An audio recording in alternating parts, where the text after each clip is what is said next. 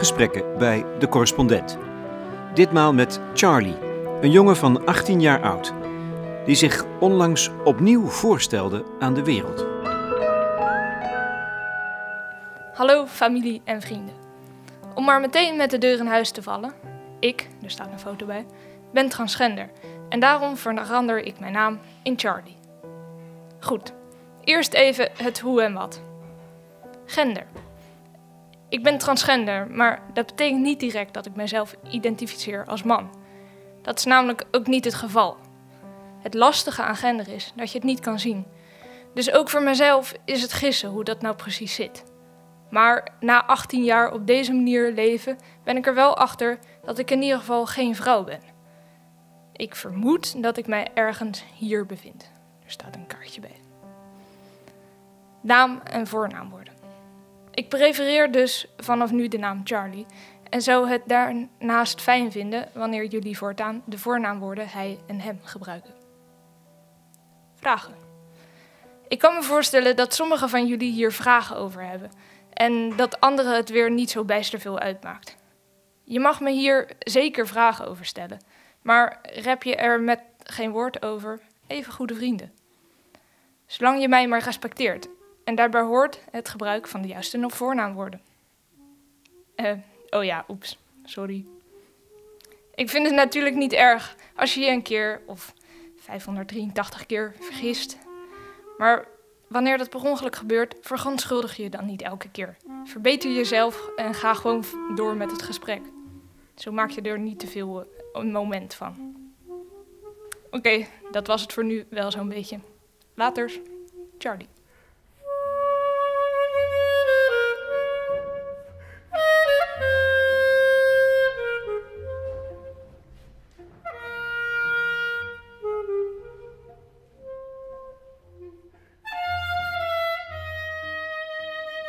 Charlie, transgender, 18 jaar oud. Hij is net begonnen aan het University College in Middelburg, music track, om later dirigent te kunnen worden. Op zijn verzoek gebruik ik alleen zijn voornaam. Nou, kijk, ik heb geen idee wat ik later doe, maar als, als je... Kijk, de bedoeling is bijvoorbeeld dat ik dirigent word, hè? Ja. En ik kan me zo voorstellen dat als je, als je dirigent wordt van een orkest, dat mensen dan even gaan googlen van, van wie is deze persoon nou eigenlijk? En ik weet niet of, of ik het dan een goed idee vind, als dat is wat ze van me terugvinden, voornamelijk. Ja.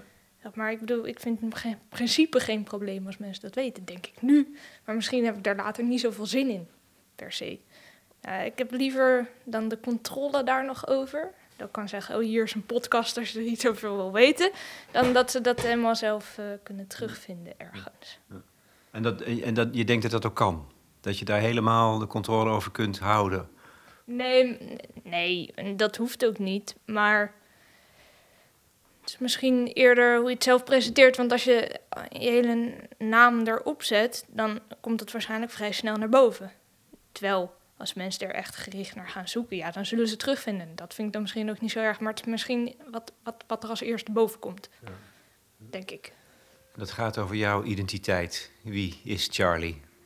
Ja, want dat is misschien het hele. Het hele ding wel. Want ik, ik wil graag dat het, dat het geen groot ding is, eigenlijk. Want het, brengt mij verder ook niet zoveel om dat heel erg naar voren te brengen of zo. Om, je, om jezelf zo te presenteren. Het is eerder dat ik, ik zeg van, nou, we veranderen die voornaamwoorden, ik verander mijn naam, want dat vind ik fijner. Maar we hoeven er niet de hele tijd daar de nadruk op te leggen. Juist dat het gewoon wordt, dat is de bedoeling. 18 jaar geleden was hij een keertje bij mij in de radiostudio. Tijdens een live uitzending op Radio 4 op de arm van zijn moeder. Als baby. Een meisje. Een paar maanden geleden liet zijn vader mij de tekst lezen die onomwonden stelt dat hij voortaan als man door het leven gaat. Het is een nieuw, zelfgeschreven geboortekaartje. Ik zeg, zullen we nog één keer je oude naam noemen? Nou, daar heeft hij weinig behoefte aan. Nou, dat is grappig, maar dat is vrij snel veranderd. Ik, deze naamsverandering is eh, vlak voor de zomervakantie eh, plaatsgevonden.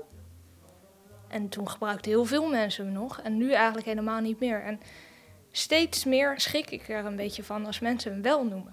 Dus het, verrassend snel hoe, hoe snel deze naam eigenlijk wendt. En dat is aan de andere kant ook een bevestiging dat ik hier de juiste keuze heb gemaakt. Omdat het is, ik heb hier helemaal geen probleem mee. Ik, ik wen er heel snel aan en het, het klopt, zeg maar. Terwijl met die andere naam had ik toch af en toe van, nou, oké. Ja, dat ben ik dus, blijkbaar. Maar nee, toch niet helemaal. En dat, daar, daar kom je dan wel achter. En ook nu denk ik, nou, misschien heb ik daar niet zoveel behoefte aan dat mensen dat weten. Want aan de andere kant, wat is het belang ervan? Dan voeg je alleen iets toe, waardoor mensen je misschien op een andere manier bekijken dan de bedoeling was. Want de hele bedoeling van de naamsverandering is dat mensen mij zien als Charlie. Dus je, je spreekt eigenlijk de behoefte uit om het zo snel mogelijk de transformatie achter je te laten. En, en wat je nu bent, wie je bent, om dat als, als vanzelfsprekend te beschouwen.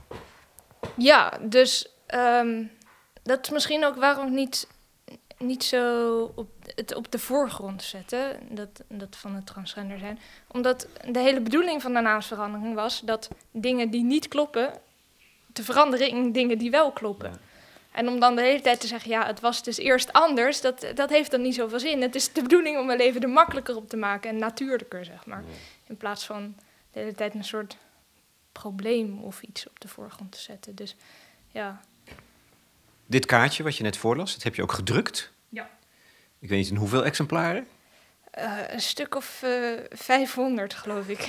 Ja. En wat nou, heb je daar dan mee gedaan? Die heb je verspreid? Ja, met een vliegtuigje boven de stad. Nee. Nee, ik heb ze dus aan, aan familie en vrienden gegeven. Eigenlijk uit een heel praktisch oogpunt. Dat ik uh, mensen er allemaal op de hoogte van wil brengen en gelijk even uitleg wil geven. En dat is gewoon makkelijker met een kaartje dan iedereen uh, per persoon af te gaan. Ook omdat je het heel niet echt makkelijk of mogelijk om iedereen op dezelfde dag of dezelfde week te bereiken. Dus dan horen mensen het ook van elkaar. En ik dacht, laten we dat even georganiseerd aanpakken. Dat is minst verwarrend voor iedereen. Ik druk het op een kaartje. En eigenlijk ook omdat, um, omdat ik dan heel duidelijk de, de woorden kan kiezen. Juist. Ja. Want het, het, het, ja, het ligt nogal gevoelig, zeg maar, op taalgebied. Op de een of andere manier zijn er, zijn er woorden of zinsconstructies die mij niet lekker liggen. Dat, dat, dat, klopt niet helemaal. En ik vind het lastig om dat op het moment zelf dan de juiste woorden voor te verzinnen. En kan je er een voorbeeld van geven wat je lastig vindt of wat je liever niet gebruikt? Er zijn woorden die, die, die, ik, die ik niet wil gebruiken, zeg maar. Ja, daar kan je dus nu ook geen voorbeeld van geven. Of wel, toch wel, even stiekem voor ons. Het, het kan stiekem voor jullie, speciaal voor jullie. Het is bijvoorbeeld... Um, um, als ik een gesprek heb met de mensen van de genderpolie die mij uh, helpen met diagnose en zo, dan vragen ze, ja, waar heb je dan last van?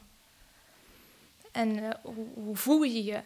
En woorden als vrouw of uh, borsten of heupen of dat soort dingen. Ik krijg het soms gewoon niet uit mijn strot. Gewoon omdat, omdat het heel sterk verbonden is met dingen die ik heel erg niet fijn vind. En dan, ja, daar heb ik echt moeite mee. En ik merk ook dat andere mensen dan niet zo goed snappen waarom je uh, twijfelt dan in je woorden. Aan de ene kant omdat ze denken, ja, je kwam toch naar buiten met het verhaal. En het klopt, ik vind het geen probleem om het erover te hebben. Dat vind ik allemaal niet erg. Maar op de een of andere manier zit er toch een soort struikelpunt in de taal zelf. Dat ik sommige dingen niet goed kan uitdrukken, omdat het... Uh, zeggen van de woorden ook pijn doet ergens. Wat gek is. Omdat als ik het over iemand anders heb, dan kan ik de woorden best gebruiken. Het is gerelateerd aan mezelf ergens. Maar dat zegt hoe diep het, hè, dat vertelt meteen hoe diep dat zit. Ja, ik heb ook soms dan, uh, dan, uh, dan heb ik het hier over met mijn moeder. Dan, uh, gewoon even overleggen hoe de, de dingen zitten, wat gaan we doen, dat soort dingen. En dan verdacht vaak moet ik dan toch huilen. En dan is van, ja, maar we hebben het toch allemaal, het is toch allemaal oké. Waarom moet je daar nou weer zo upset van worden? En dat, dat is eigenlijk alleen omdat als je erover praat, niet alleen in jezelf denkt, dan, dan komt echt naar boven hoe, hoe diep het zit en hoe sterk het is. Maar heb je zelf dan ook wel dat, al jaren dus, je bent nu 18, heb je al jaren dat, dat je in, in je grammatica voelt van, hé, hey, ik, ik worstel daarmee. Dat je, dat je daar een soort van gehandicapt in bent geweest.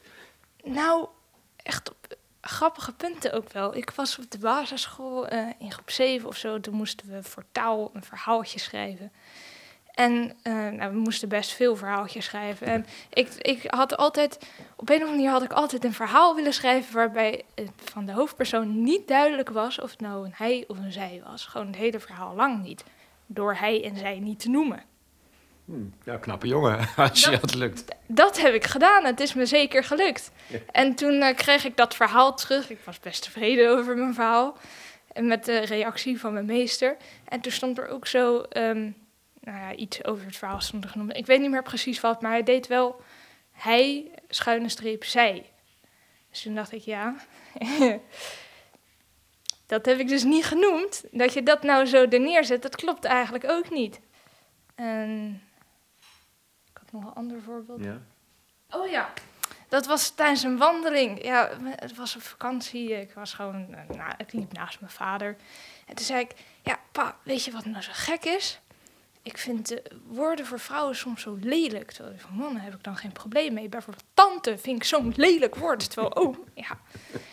Dat, dat, ik, dat, dat vond ik zelf altijd zo gek. Dat, eh, ja, maar hoezo krijgen zij altijd de leuke woorden en wij dan de lelijke woorden? En nou denk ik van, ja, Oké, tante, dus, dus het woord zelf is echt helemaal niks mis mee. Maar oké, ik snap nou waarom het je dwars zat. Ja, ja. Ja, nee. Het is het gevoel eronder dat je dwars Ja, zat. ik wil geen tante worden. Nee, oom vind ik geen probleem.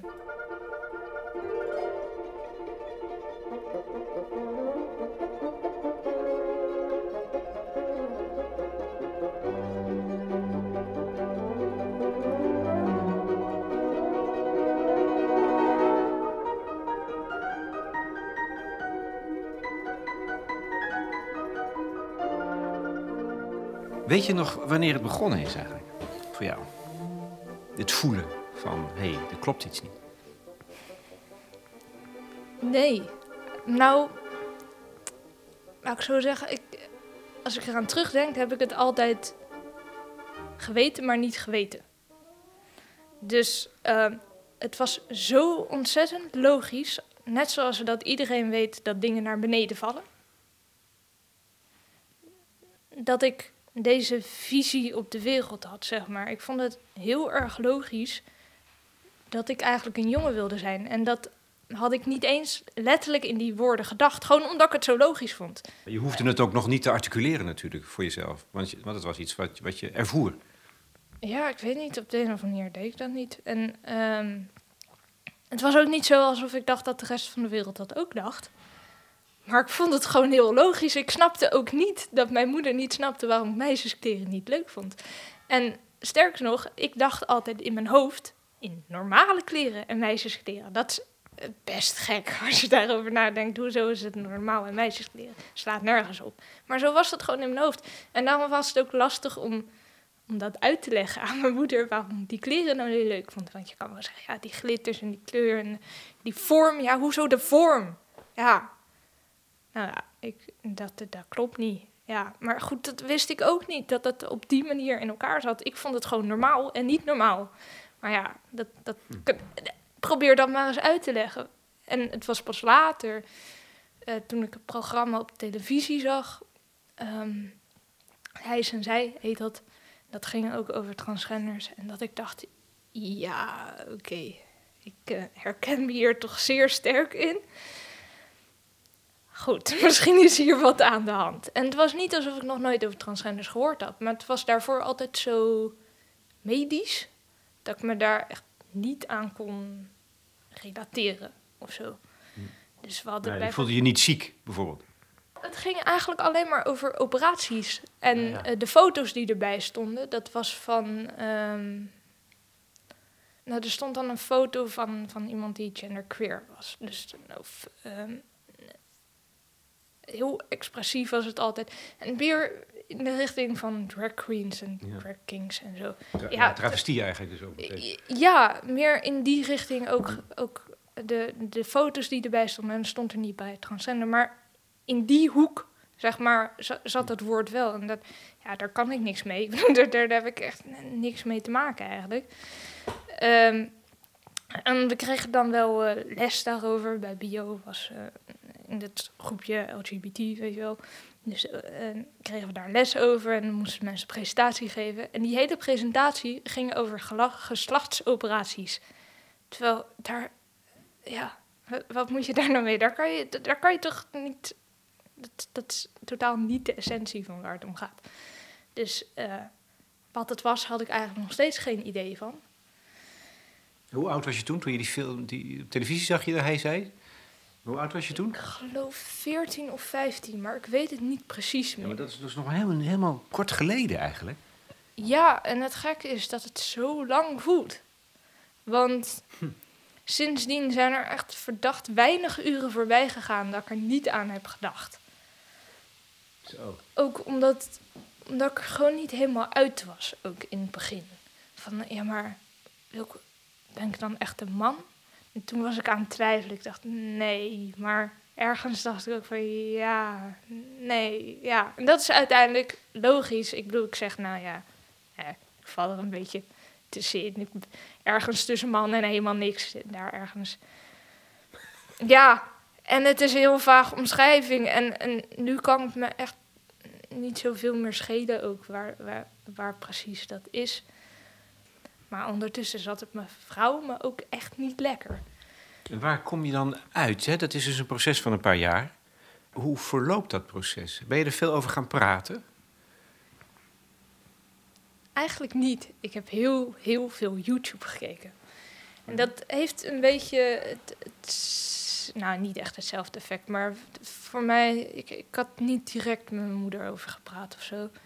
Ik had het programma gekeken en toen kwam ik een beetje met mezelf in ik nou van ja, eh, zou je dat doen, operaties en testosteron? En het is wel ja, een beetje een risicootje en weet je het wel zeker? En toen dacht ik, ja, weet je wat? Ehm, er zit daar een genderpolie in eh, Amsterdam en in Leiden toen ook nog. Er zijn mensen die kunnen mij helpen. Ik kom er zelf niet uit. Laat ik het gewoon ja, om advies vragen. Dan zeggen zij van ja, dat is zo of nee, dat is niet zo. Nou, dan, dan ben je er alweer uit. Ik dacht dat ze, ja, de, ja, ik had eh, op zich best vertrouwen, weet je wel, in, in wetenschap en zo. Dus dat eh, nou, moet, moet goed komen, toch? Dus eh, nou, ik met mijn moeder praten. En die was ook van ja, ik, ik snap waar je het over hebt, maar volgens mij ben jij geen man. En dat, Dat zei je moeder. Dat zei mijn moeder. Ja. En ja, ik, ik kan er nog steeds geen ongelijk geven, maar ik ben nog steeds meer overtuigd van dat ik toch meer man ben dan zij denkt. En dat is op zich niet erg. Ik bedoel, het, Ja. het doet er verder ook niet zo heel veel toe. Maar... Maar- Dat zijn de gesprekken die je dan weer met je moeder voert en met je vader? Ja, omdat mijn vader, die, die eh, heeft daar minder Hm. moeite mee. Met... eh,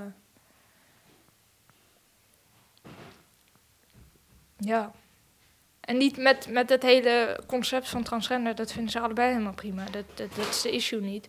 Maar... Mijn moeder heeft heel sterk het gevoel dat, dat, dat je hier ook te ver in kan gaan. En daar geef ik er gelijk in, maar alsnog denk ik wel dat ik er verder in zou moeten gaan dan zij misschien denkt. Maar dat is lastig te zeggen. Ja. Nogmaals, omdat je, je kan het gewoon niet zien. Ja, hoe moet je daarachter komen? Dat best lastig om jezelf te analyseren, zeg maar. Het enige wat ik kan zeggen is wat ik wel en niet fijn vind. En ja, dat is toch echt in die richting. Ja. Maar ik weet ook dat, ik weet ook dat je daar te ver in kan gaan. Dus het is een beetje, een beetje aftasten.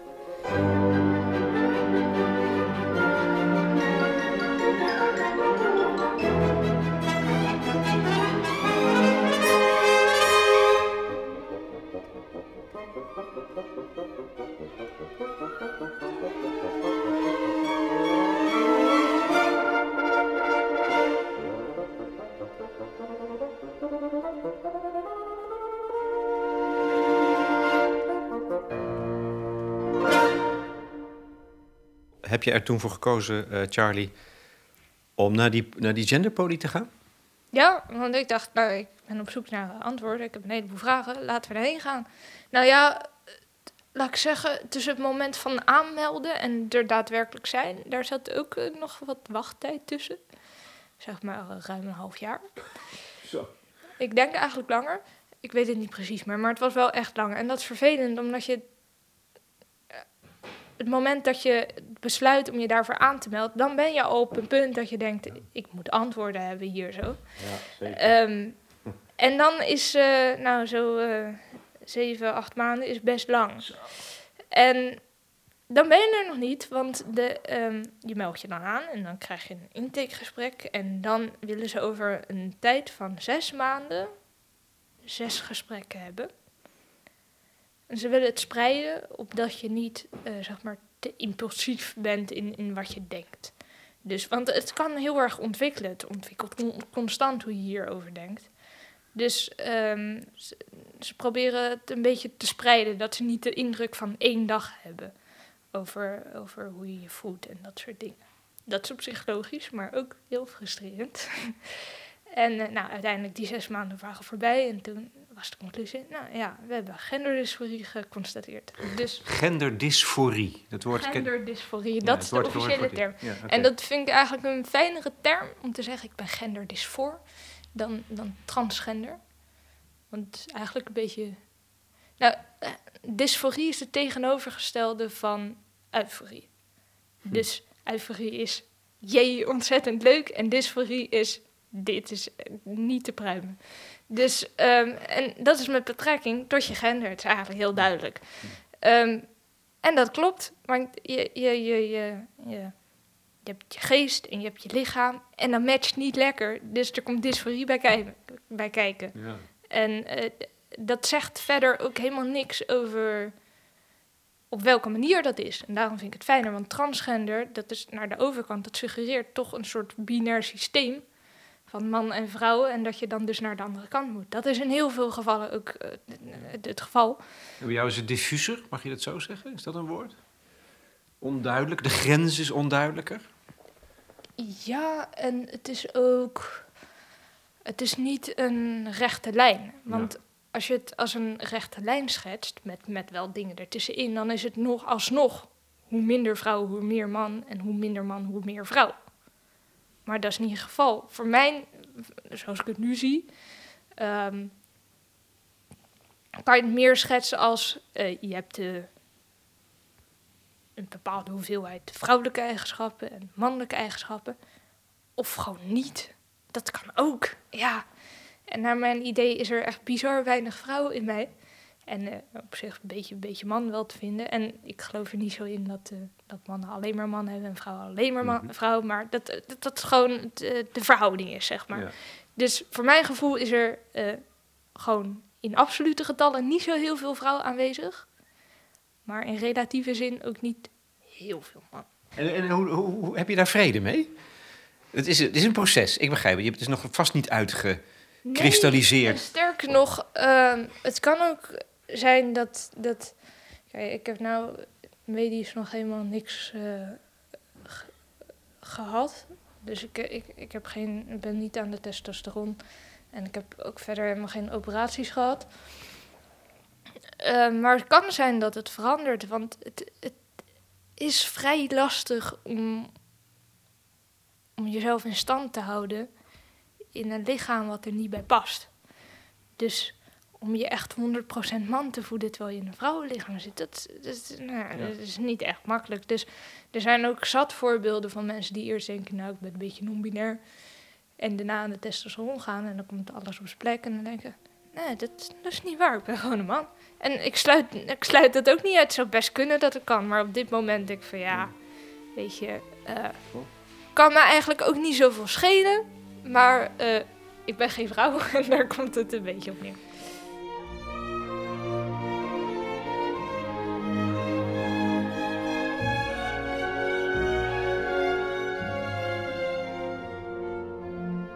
Gaan het nou stapsgewijs aanpakken. Er zijn dingen waarvan ik zeker weet dat ik ze wel weet.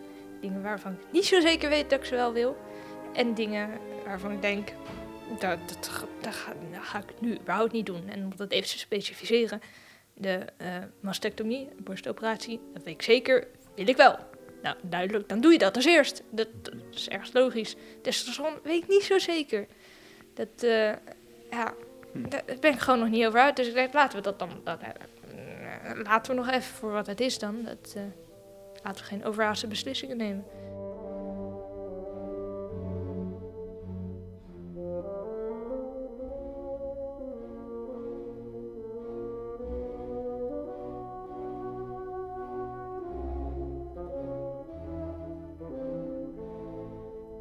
Een zeer indiscrete vraag. Ehm, vriendjes, vriendinnetjes, heb je die al gehad of heb je die nu? Nooit. Nee. Maar ja, ik weet niet. Dat heeft er niet heel veel Nee. mee te maken, nee. Denk je? Ja, want er zijn heel veel mensen die dat niet hebben. Ik bedoel, Nee. misschien niet netjes om te zeggen, maar mijn eigen broer en zus die hadden een hele middelbare schil- schoolperiode. Ook geen vriendjes of vriendinnetjes. Dus eh, ja, wat dat betreft loop ik niet, heb ik geen ander pad gevolgd of zo. Het is ook niet eh, de, de onzekerheid of de onduidelijkheid waar je soms mee hebt, eh, waar je nu mee leeft. Maakt het dat niet ingewikkelder, denk je? Het maakt het wel ingewikkelder. In die zin dat ik, dat ik ook niet zo goed weet ehm, hoe ik daar zelf mee om zou gaan als ik de andere persoon was. Omdat het is, het is nogal lastig om, om je te presenteren als je er zelf op een bepaalde manier, als je er zelf ook niet helemaal over uit bent. Hm. En ik weet, ik kan lastig beslissen in hoe, hoeverre dat nou belastend is voor de andere persoon. Maar goed, ik heb er nou sowieso geen probleem mee, want ik heb geen vriendje. Dus dat, eh, Nee. ja. Maar goed, het kan, zijn, het kan zijn dat je dat dus om die reden alleen al onbewust eh, afhoudt. Hè? Terwijl je er misschien ook Nee. juist naar verlangt. Mm, Nee. Maar ik, dit, daar merk ik gewoon een verschil met mijn leeftijdsgenoten. Dat ik er misschien iets minder mee bezig ben Hmm. dan zij. Bedoel, een goede vriend van mij op de middelbare school, die, die had het er wel eens over. En dan dacht ik bij mezelf, oh ja, ja, daar kan je ook over nadenken. Maar daar denk ik nou nooit over na. Eigenlijk vrij weinig, in ieder geval. Ja, ik ben er gewoon nog niet zo mee bezig. Komt later wel. Want je bent met hele andere dingen bezig, ook nog eens. Ik ben met andere dingen bezig en dat vind ik veel leuker. Dus Muziek Ja. bijvoorbeeld. precies, muziek. Is dat je grote eh, passie? Ja, ook nog niet zo lang. Dat was dus ook een miraculeus verhaal. Ik was dus eh, op Rome reis met school. En ik zat op de kamer met eh, vier andere mensen, waarvan drie in een jeugdorkest speelden in Rotterdam.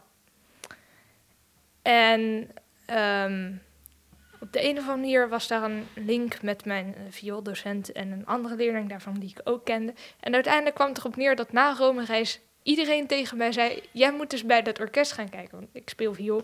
Maar ik had eh, toen ik eh, zeven was of zo, of acht, heel even in een orkestje gespeeld. Maar ik vond het niet zo leuk. Was, was een strijkorkestje.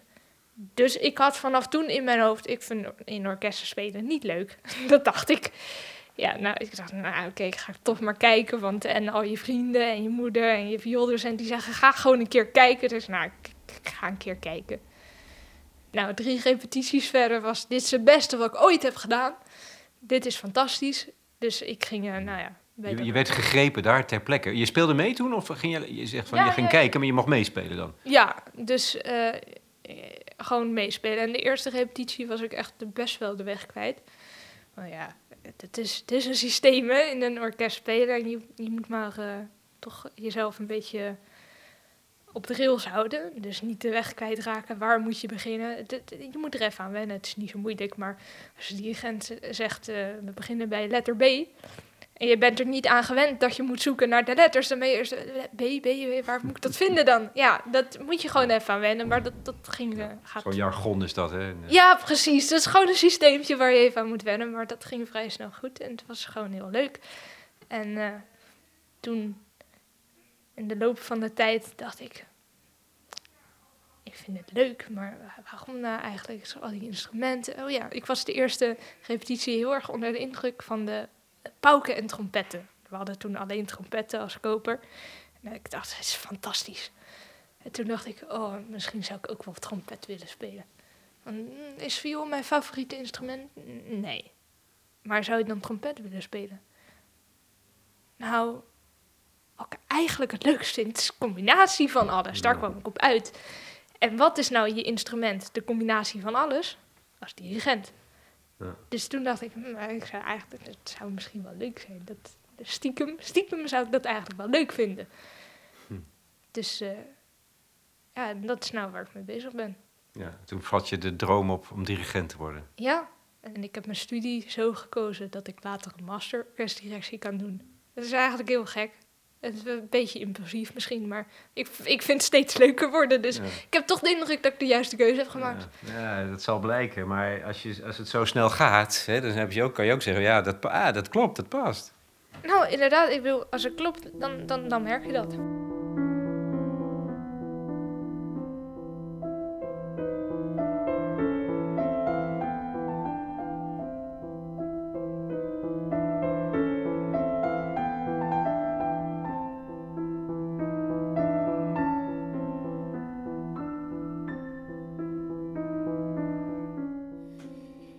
Charlie moet in zekere zin een omweg volgen, omdat orkestdirectie een masteropleiding is. Dus je moet eerst iets anders doen. Voor zijn bachelor gaat hij nu naar het UCR in Middelburg. Dat is de enige university college in continentaal Europa waar ze ook muziekvakken aanbieden. En dat is des te leuker omdat je dus allerlei verschillende vakken kunt doen. Daarnaast volgt hij violes en dan heeft hij ook nog een spierziekte. Is HMSN, dat als ik het goed zeg, hereditaire motorische en sensorische neuropathieën of zoiets in die richting. Het is eigenlijk geen spierziekte, maar ze noemen het zo, maar het is een zenuwaandoening. Want om je zenuwen heen zit een laagje met myeline en op de een of andere manier eh, wordt dat een beetje afgebroken bij mensen met HMSN. Waardoor signalen minder snel doorkomen en hoe verder van je hoofd, zeg maar, de, waar, waar de signalen ontspringen af, eh, komen die signalen minder goed aan of helemaal niet. Dus mijn kleine teen voel ik vrij weinig en eh, steeds meer naar boven is dat eigenlijk geen probleem. En je vingertoppen? Nou, dat is dus ook niet zo'n heel groot probleem. Maar het ehm, is in die zin wel ook een spierziekte. Dat, ik weet het fijne er niet vanaf. Maar de, eh, er is ook iets met spieropbouw niet helemaal lekker. Dus dit, eh, ik heb van nature misschien iets minder spier dan je zou hebben zonder Heb je er last van als je viool speelt? Nee, eigenlijk niet. Maar het zou kunnen dat, dat als je op heel hoog niveau eh, daarmee bezig bent, omdat het toch met je spieren wel te maken heeft, dat je onvoldoende controle hebt om, om, om dat te kunnen doen. Bijvoorbeeld, ik kan echt niet snel rennen. Misschien kan ik ook niet heel snel een, een thriller doen. Dat zou kunnen dat het gewoon fysiek lastig is. Nou, dat weet je nog niet. Hè? Dat weet ik niet, want ik heb er geen last van gehad eerlijk gezegd.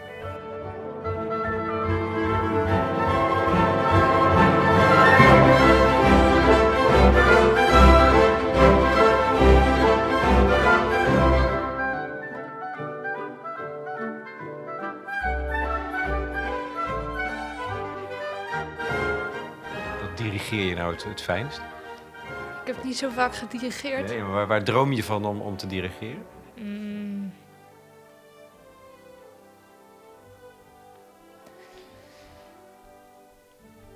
Er zijn verschillende. En ook omdat, omdat het zo breed is. Maar ik vind Nino Rota ontzettend leuk, omdat ik er gewoon ontzettend vrolijk van word.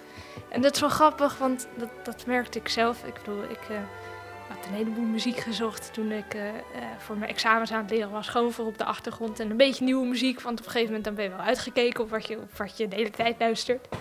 En ik werd hier ontzettend vrolijk van. Dus ik dacht, goh, goh leuk, ik zoek even op wie dat eigenlijk is, Nino Rota. En toen stond er zo op Wikipedia een, een quote van hemzelf. Ja, ik ben gewoon ontzettend blij als ik achter de piano zit. Ik dacht, nou, dat hoor ik terug in je muziek, dat klopt. Ja, ik word er ook blij van.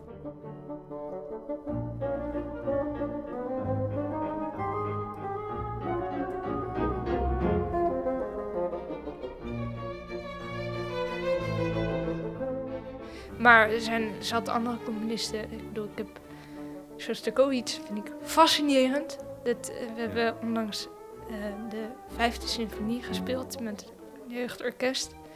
En dat is niet per se muziek die je aanzet voor de ontspanning. Maar het is wel, nou, het is misschien niet leuk, maar het is wel leuk. Ja, het is totaal anders, toch? Het dat gaat juist is over de andere... Ja, het is niet leuk omdat je er blij van wordt, Nee. maar het is zo indrukwekkend. Ja. Ik, ik, kan je, ben je er al een beetje achter wat dan dat grote geheim van de muziek is? Je leeft volgens mij ook in... Er staan hier daar een paar instrumenten, een gitaar en een contrabas en een cello. En je leeft in een heel muzikaal gezin. Ben je er nou een beetje achter wat dat dan dat grote geheim van de muziek is? Waarom het zo bijzonder is dat jij van plan bent om je hele leven eraan te wijden? Ja, dat is een goede vraag. Ik snapte het vroeger ook niet. Want ik, dacht, nou, concerten zijn toch een beetje saai. En ik snap het nog steeds niet zo goed, want ik ben echt minder goed in luisteren dan in uitvoeren. Als ik, als ik naar een concert ga, dan wou ik soms een beetje af. Ik denk aan het eten van morgen en dat soort dingen. Terwijl ik denk, ja, ik zit hier, ik moet hier concentreren op de muziek. Daar ben ik niet zo goed in, gek genoeg. Maar wat ervaar je dan als je speelt of samenspeelt? Of? dan eh, ben ik echt intens tevreden met de situatie. Helemaal als je, eh, en dat ligt ook aan met de mensen met wie je samenspeelt. Maar soms heb je een goede combi en dat merk je direct. En dan, ja, ben je helemaal in de harmonie met de wereld, zullen we maar even zeggen. Eh klinkt een beetje cliché, maar eh, ja. Nee, maar dat is toch... echt heel leuk. Nee, maar snap je, maar dat is, als je dat zegt, dan denk je meteen, ja, maar in jouw situatie is dat natuurlijk extra veel betekenend. Dat is wel grappig. Ehm, mijn viooldocent was, eh vroeger viooldocent was een, had ik daar heel lang niet over verteld. Eigenlijk gewoon omdat ik er op vioolles ook niet over nadacht. Want op het moment dat ik muziek maak, dan denk ik er niet zo veel over na, over mijn hele gendergerelateerde situatie. Ehm, ik ben dan echt met iets anders bezig. En waar, waar, waar, waarbij het er ook niet toe doet. Het, het, het, maakt niet uit. Sterker nog, maar je hebt een ervaring van harmonie. Ja, nou inderdaad, alles, alles valt op zijn plek. Dat is misschien wel, eh, inderdaad, dat, dat, dat ik denk, ik ben hier iets aan het doen en het klopt helemaal. En ik ben gewoon blij met wat ik aan het doen ben. En ik hoef er niet over na te denken hoe ik me nou ident- identificeer. Ik ben op dat moment muzikant. Weet je wel, dat is, dat is toch fijn. Ja, en het is ook, het, het verschilt ook heel erg per muziek, eh, hoor. Maar er zijn momenten dat ik eh, de- intens eh, tevreden ben met de situatie, zeg maar. Dus eh, ook met tango. Ik heb één opname van eh Fiora, nee, Giora Feitman. Dat is een clarinetist die dan een tango speelt.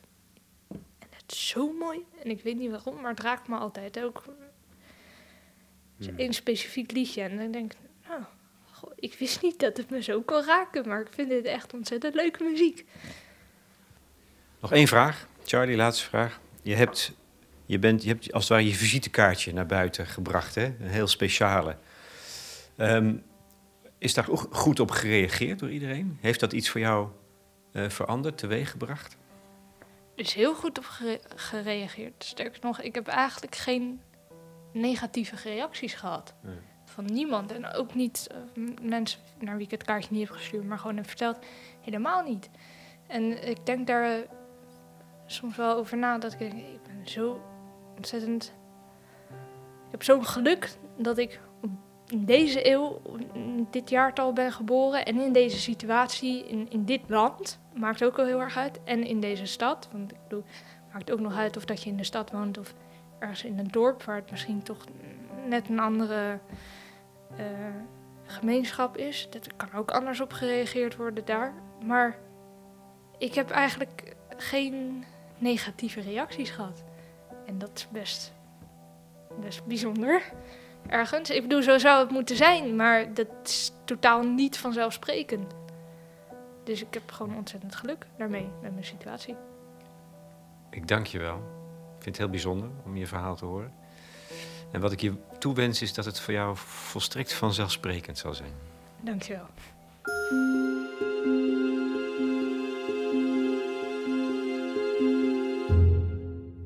Dit was Charlie in gesprek met Lex Bolmeijer over zijn genderdysforie.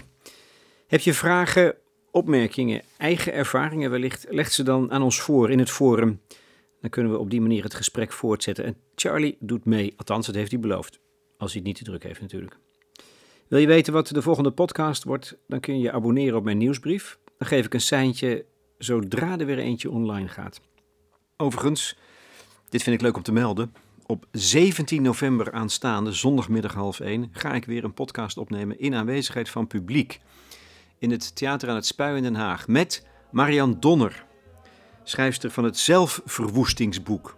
Dus dat wordt sowieso gezellig. En als er nou veel mensen komen, dan wordt het nog gezelliger. Zondagmiddag 1 november, half 1 in het Theater aan het Spui. Reserveer even een kaartje via het Nationale Theater. Ik vind het leuk. En dan tenslotte de muziek. Die was, en dat ligt voor de hand, van Nino Rota, met name zijn fagotconcert. En je hoorde die ene fabuleuze tango van Jora Feitman.